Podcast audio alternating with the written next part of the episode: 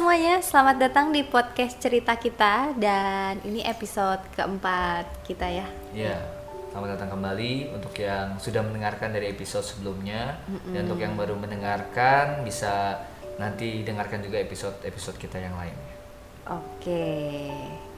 Dan kemarin kita mendapatkan beberapa pertanyaan ya. Hmm, Dan iya. mau kita jawab nih Iya, kita pilih tiga aja. Oke. Pertanyaan. Ini episode 4 kita sudah jawab-jawabin pertanyaan. Asik deh. Nah, kalau yang punya pertanyaan atau kritik dan saran, request tema bisa via DM Instagram di @daudantonius dan kamu Jen Tambayong. ya boleh. Oke, pertanyaan pertama. Mm-mm. Nih, Apa? bagaimana pertanyaannya cara merespon atau menghadapi pasangan yang sudah mulai uncare atau cuek Nggak peduli ya? uh, uh, atau mungkin dingin ya sikapnya Gimana? sama dia. Dari aku dulu. Ya. Sebenarnya ini udah kita bahas di episode ketiga tentang kenapa memilih dia itu ada cinta yang ideal dan di posisi paling atasnya itu ada passion atau alasan kenapa kita mulai mencintai seorang dan biasa itu karena sebuah daya tarik. Hmm. Nah biasanya seorang yang sudah mulai uncare karena bisa jadi pasangannya sudah tidak menarik lagi, bosen atau jenuh. Nah kalau memang itu terjadi biasanya kamu harus ya jadi membuat dia jatuh cinta lagi sama kamu. Oh iya.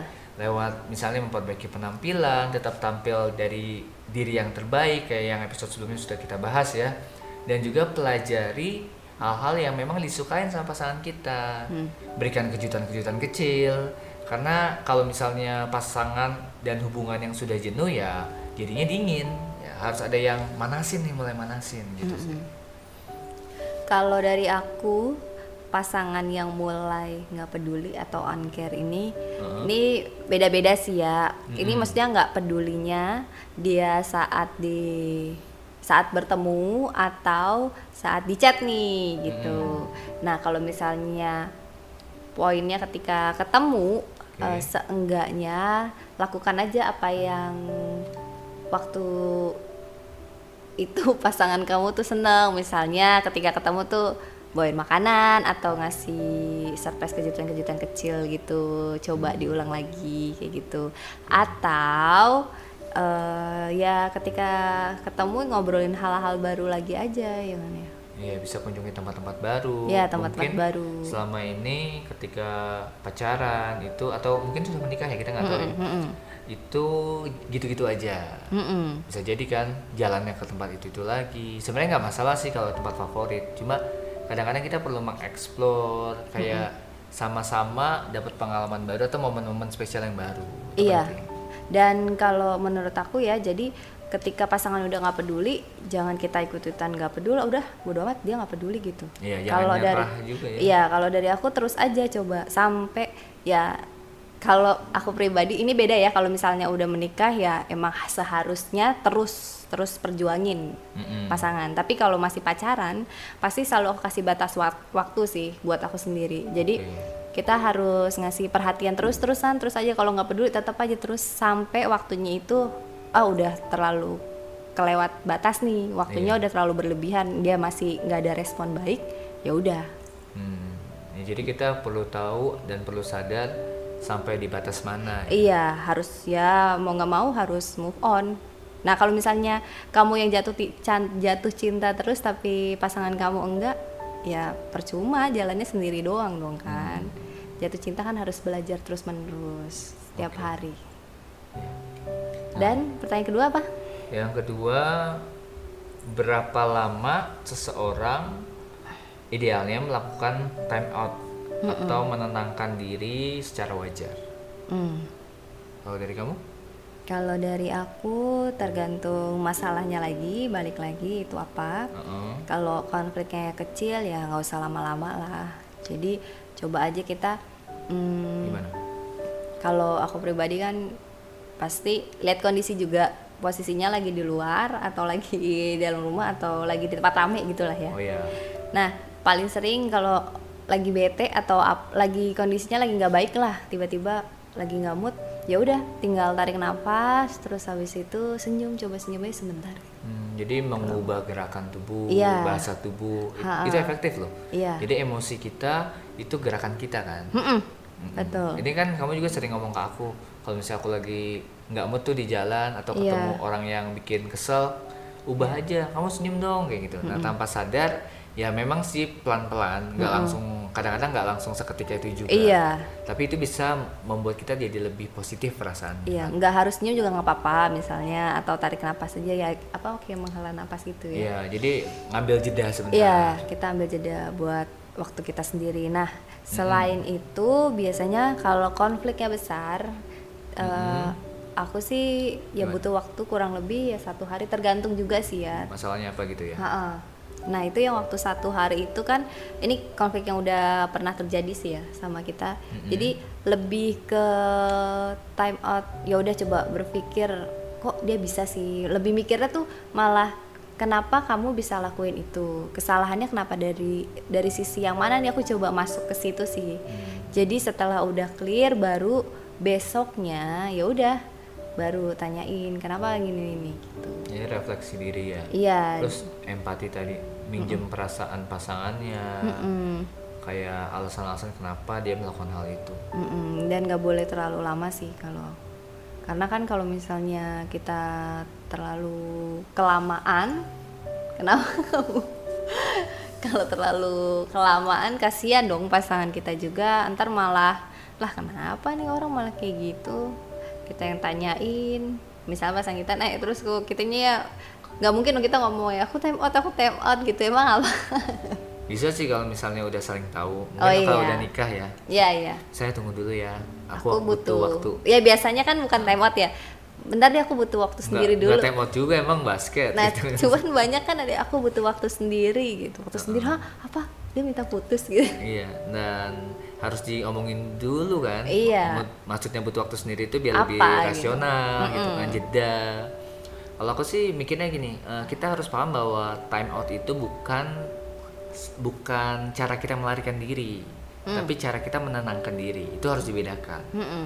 Jangan sampai wah time out ah biar waktu yang menyelesaikan masalahnya. Mm. Padahal nggak selesai gitu kan. Tetap harus dituntaskan, dibicarakan, dicari solusinya apa oke gitu. Jadi eh, jangan sampai time out kita kelamaan dan menimbulkan masalah baru Iya. yang nggak kita inginkan. Jadi pasangannya ikutan nggak mood, kemudian pasangannya mulai, nih kenapa sih kok aku didiemin, kok gue didiemin sih nih, jangan-jangan, jangan-jangan nih, jangan-jangan dia sudah sama yang lain kayak gitu kan. Hmm, Jadi ada masalah baru yang lain. Itu. iya Pertanyaan berikutnya. ketiga apa Nah, pertanyaan berikutnya adalah eh, ini konflik dengan pasangan yang bisa berujung pada stres berkepanjangan sampai akhirnya depresi. Hmm. Itu. Nah, itu gimana cara menghadapinya? oh kalau misalnya udah depresi mah berarti konfliknya udah besar banget ya Ya, dan biasanya kan depresi itu kan diagnosis dari profesional ya. iya Jadi teman-teman kalau misalnya itu jangan jangan diagnosis sendiri, oh saya depresi bukan. Mm-mm. teman-teman harus ke profesional dulu kalau memang merasa ada yang salah dengan dirinya karena se- sebenarnya sama seperti dokter ke psikolog atau ke psikiater juga nggak salah. Cuma kan kadang-kadang stigmanya bahwa wah ini orang gila atau enggak Iya. orang lemah. Sebenarnya nggak seperti itu. Sama seperti kita menjaga kesehatan mental kita sih itu aja. Mm-mm. nah tadi lanjut lagi. Kalau udah depresi? Apa? Biasanya saran untuk nanganinnya atau ininya gimana? Eh, ya tadi yang kamu bilang kita seenggaknya ke konselor sih. Oh ya ini kalau yang sudah menikah kan ada konselor pernikahan tuh. Iya nah kemarin nih ya kita baru banget ya konseling dan Mm-mm, kita kita hampir ya setiap minggu ya setiap Ya. minggu kita ketemu konselor untuk cerita kemudian dapat materi-materi bagus yang bisa diterapkan langsung ya. Mm-mm. Nah, eh, nah sebelum itu dan kebetulan kita telat tuh ya, bukan kita yang telat tapi, nah ternyata dikasih tahu lah, sebelumnya ada orang lain. Iya yang konseling. Dan konselingnya apa? konselingnya sih kita dikasih tahu bukan nggak detail ceritanya bukan membocorkan juga tapi supaya kita belajar dari kisah sebelumnya. Iya. karena ini kan konselornya juga udah deket banget udah kenal belasan tahun ya. Jadi terbuka lah. Jadi eh, namanya anonim tapi katanya ada pasangan yang baru menikah Mm-mm. kurang lebih satu bulan. Mm-mm. Dan ternyata Mm-mm. si laki-lakinya, suaminya ini punya pacar baru. Mm-mm. Yang ketika diselidiki, ini pacar lama. Mm. Yang sebelum menikah pun sudah berhubungan. Iya, jadi sebelum menikah itu mereka sudah berhubungan pacaran sama Ah. perempuan lain. Dan akhirnya tetap menikah. Nggak tahu alasannya apa tetap menikah. Dan si suami ini lebih memihak ya, lebih memihak pacarnya. Dan akhirnya istrinya tahu tuh ketahuan. Iya, Ketahuannya lihat apa? Lihat history chat kayak gitu-gitu. iya. Dan itu sih lebih bagus kalau ini kan baru sebulan ya. eh, nasi perempuan ini mungkin ngerasa, aduh kenapa saya nyesel gitu. Kalau menurut aku pribadi ya bagus, lebih cepat, lebih bagus dan langsung ditangani ke orang yang tepat kan, kayak gitu. Cuman memang finalnya sih belum tahu kayak gimana. kita belum tahu akhirnya gimana. Kan baru konseling pertama. Mm-mm. Memang si istrinya pengen pisah, tapi dari sisi konselornya bilang ya harus dipertahankan karena Iya. kan pernikahan, beda sama pacaran. Iya, betul. Hmm, Jadi apa pun yang terjadi udah ada janji bahwa akan apa setia di saat yang senang maupun susah. Iya. Terus baru sebulan udah dikasih yang susahnya. Mm-mm, ya mungkin buat pelajaran aja sih. Nah balik lagi ke pertanyaan yang tadi. yang konflik sampai berujung depresi, ya itu bisa jadi depresi tuh konflik itu. Mm-mm. Nah makanya lebih bagus ya ditangani orang yang tepat, jangan terlalu lama sih kalau dari aku ya. Iya, jadi kita harus sadar kesehatan mental kita sendiri. Kalau memang udah tahu nih masalahnya berkepanjangan dan besar, ya coba semaksimal mungkin untuk diselesaikan. Iya. Ya, pelan-pelan jangan sampai dibiarin aja, ditumpuk ditumpuk sampai akhirnya makin besar. Ya eh, ada sih konflik kayak misalnya yang berujung depresi kan banyak ada yang diputusin, misalnya ditinggal nikah tiba-tiba atau pasangannya tiba-tiba meninggal gitu. Itu kan pasti depresi berat ya. Tergantung respon dari ininya ya, tergantung dari respon pribadinya kan. Setiap orang beda-beda kan cara menanganinya. Hmm, Gitu. Kan kalau kejadian yang terjadi di sekitar kita itu ada sensasinya gitu, maksudnya momennya. iya. Tapi ketika masuk ke dalam diri kita udah berubah jadi persepsi. Hmm, Dan persepsi itu biasanya dibentuk dari contohnya pengalaman masa lalu, kemudian ajaran ketika sama orang tua, kita mempersepsikan seperti apa. Oke. Ada orang yang ketika putus, ah dapat yang lebih bagus, tapi ada yang putus, ah gua nggak bakal dapat yang lebih bagus dari dia. Kayak gitu kan beda tuh. Iya. Biasanya konflik yang berujung depresi itu konflik dengan pasangan, nggak nggak hanya maksudnya konfliknya aku sama kamu gitu, nggak taunya aku punya konflik juga di luar dan itu berujung ke pasangan juga dan itu bisa jadi depresi buat aku. Oh Iya jadi sih? masalahnya udah kompleks ya. Iya udah konflik. Jadi karena satu masalah, terus jadi nggak mood, eh muncul masalah baru, masalah baru, masalah baru. Karena tadi nggak diselesain ketika kecil. Nah iya Heeh, ya. Kalau jadi udah ada sumbu-sumbu masalahnya, dibiarin.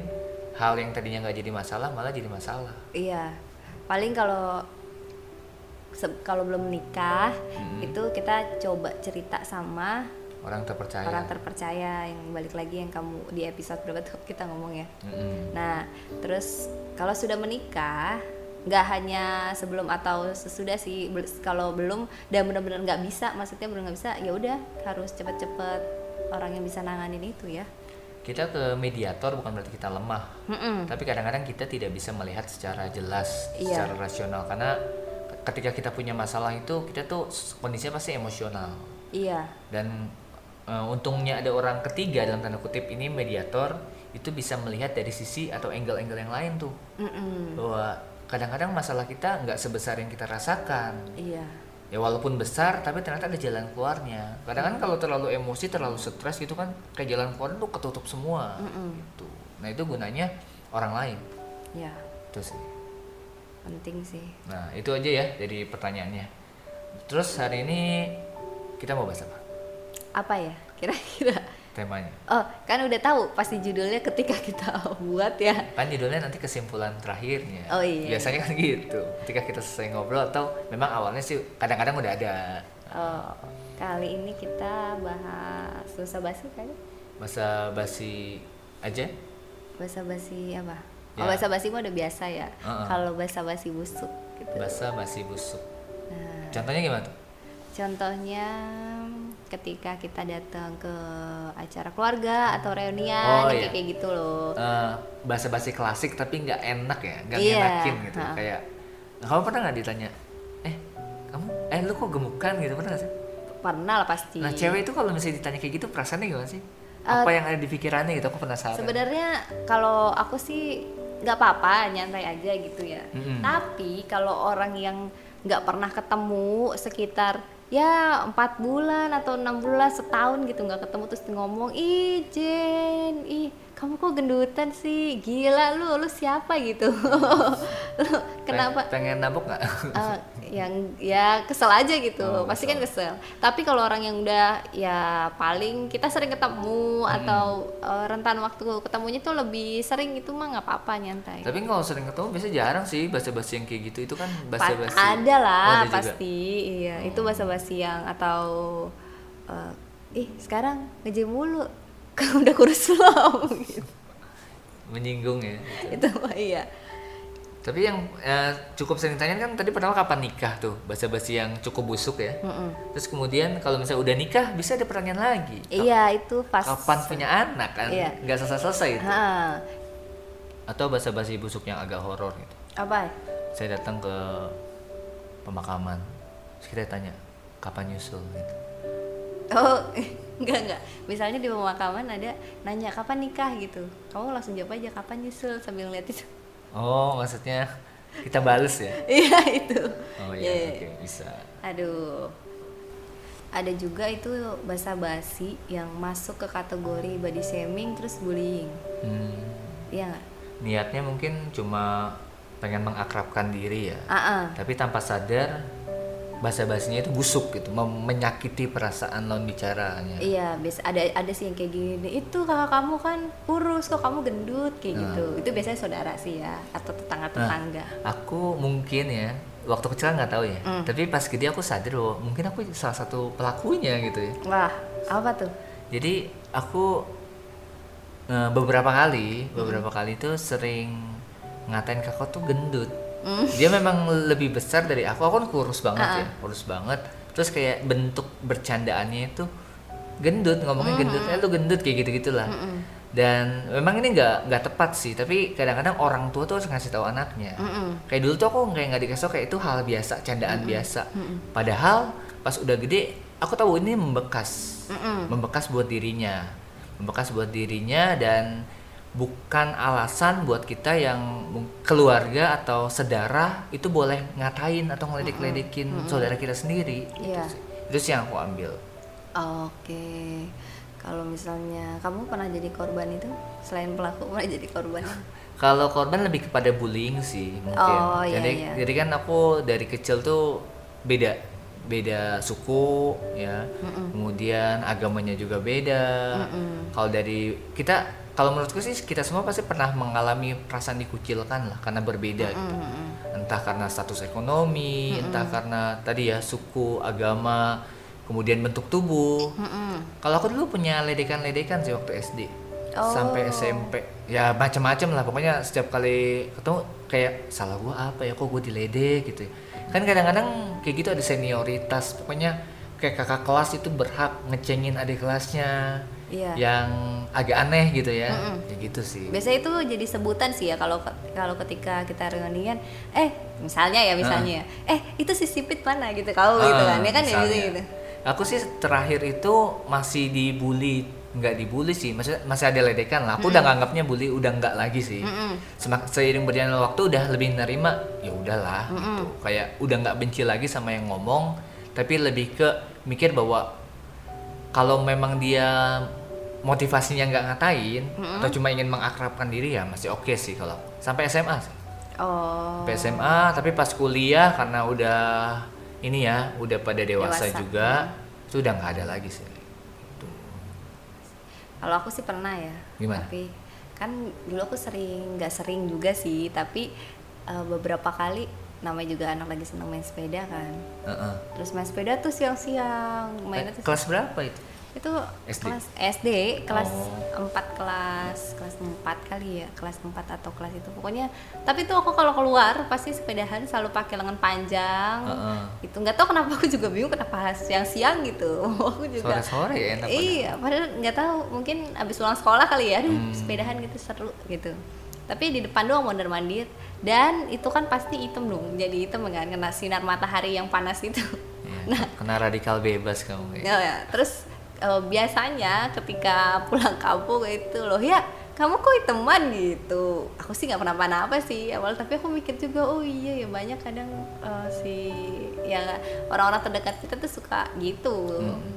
Dan bahasa basi itu jadi busuk karena pertama orang yang ngomong itu tidak mengerti perasaan orang yang ditanya. Iya dia ha. jadi kayak nggak tahu bahwa itu menyakitkan. Iya. Jadi sebelum kita bertanya pastikan tuh ini menyakitkan nggak sih buat dia? Emang susah sih agak susah. Jadi makanya harus tahu momennya nanyanya. Terus kadang-kadang yang jadi bahasa basinya bikin busuk juga itu bertanya hal-hal yang sensitif dan privasi. Oh iya, itu. Apalagi kalau aku sih nggak setuju banget. Banyak banyak banget kan biasanya nih, Gimana? yaitu balik lagi yang kayak kok lu kalau lulus lulus gitu? Oh. udah semester segini, Mm-mm. terus kapan nikah? Terus kapan nikah? Pasti tanya udah nikah nih udah nikah, kapan punya momongan? Nah biasanya yang yang menyakitkan banget itu kan rata-rata untuk perempuan itu kapan punya momongan momongan ya? kapan punya anaknya Mm-mm, kapan punya anak gitu. Nah, eh, menurut aku pribadi udahlah kalau misalnya itu nggak usah tanya-tanya hal eh, hal-hal yang privacy itu tuh kan sensitif banget. Mm-mm. tapi beberapa orang nggak tahu bahwa itu sensitif Iya. karena mungkin mereka kurang aware akan hal itu sih Uh-uh, dan aku pribadi kalau misalnya ada orang yang ya lebih ke situ sih, misalnya temanku ada yang nikah terus habis itu nggak pernah yang nanya itu, Mm-mm. karena tahulah posisinya kan. Iya. Jadi ya yang nanya juga harus pinter ya. Jadi pinter membaca situasi. Pertanyaan tepat nggak di saat yang tepat nggak. Ah, Jangan sampai pertanyaan yang tadinya tujuannya ingin mendekatkan bahasa basi eh jadi busuk. Iya. Jadi body shaming, jadi agak bullying gitu kan. Terus jadi ada gap malah kita kan. Mm-mm, jadi malah aduh setiap ketemu dia ditanyanya pertanyaan yang nggak enak. Jadi malas ngobrol sama dia kan. Mm-mm. Dan sering kali pertanyaan yang gak enak itu muncul dari orang terdekat, Mm-mm. bahkan keluarga. Mm-mm. Kalau menurut aku sih eh, be aware sama apa yang kita ucapkan.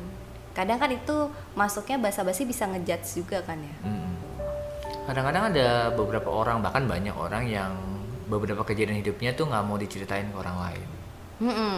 Dan di kelompok lain ada orang tuh yang bukan pengen dengerin tapi pengen tahu doang. Pengen tahu ya apa sih ada hal terbaru apa gitu ya? Mereka bukannya empati. Mungkin dia dapat kejadian yang kurang menyenangkan atau kayak tadi nanya pertanyaan yang sensitif. Mm-mm. Bukannya pengen tahu keluhannya tapi cuma penasaran aja. Nah, itu tuh yang bisa buat salah. Iya iya. Nah kalau memang ping berempati, coba ngomongnya mungkin ya kalau aku sih ngomongnya itu berdua suasananya pas lagi oke lah terus kayak ngomong dari hati ke hati kalau memang udah deket misalnya kayak kamu sama tante kamu misalnya kan misalnya ada yang deket ya mungkin dia nanyain pertanyaan sensitif tapi bukan di depan keluarga-keluarga yang lain kan Iya. karena dia memang pengen peduli sama kamu Ha-ha. bukan pengen tahu doang Heeh. tuh Iya. Nah kalau dari aku mendingan ketika kita ketemu sama orang atau lagi ngobrol itu jangan sampai mengajukan pertanyaan-pertanyaan yang membuat dia sensitif tadi balik lagi yang kamu kasih tahu dan hindari kalau memang sudah tidak ada lagi hal-hal yang bisa dibahas ya udah bahas aja yang ada di sekitar itu Ah, bahas kayak ih hordengnya bagus ya gitu ya kan itu Dan- bahasa basi klasik ya Iya, udah daripada nyakitin orang kan malah ketika kita ketemu lagi malah malah males gitu. Mm, Jadi lihat situasi sih kalau aku kayak waktu awal ketemu Mm-mm. ya kalau bisa bahas sesuatu yang bukan hal personal. iya, gitu percaya deh kan. ketika kamu malah nanya hal personal itu pas ketemu lagi orang itu mungkin udah males. Iya kal- kalau momennya nggak pas tuh kayak beng langsung kayak suasana tuh bikin, jadi nggak enak. Iya, dan itu pasti akan membekas ke orang itu kan. Mm-mm. Oke. Dan ini kita sudah mau akhiri ya. Iya karena setiap podcast kita dibatasi sampai 30 menit teman-teman. Jadi kalau memang ada pembahasan lain nanti akan kita bahas di episode-episode berikutnya. Siap. Dan sampai ketemu di episode selanjutnya. Bye bye. Bye.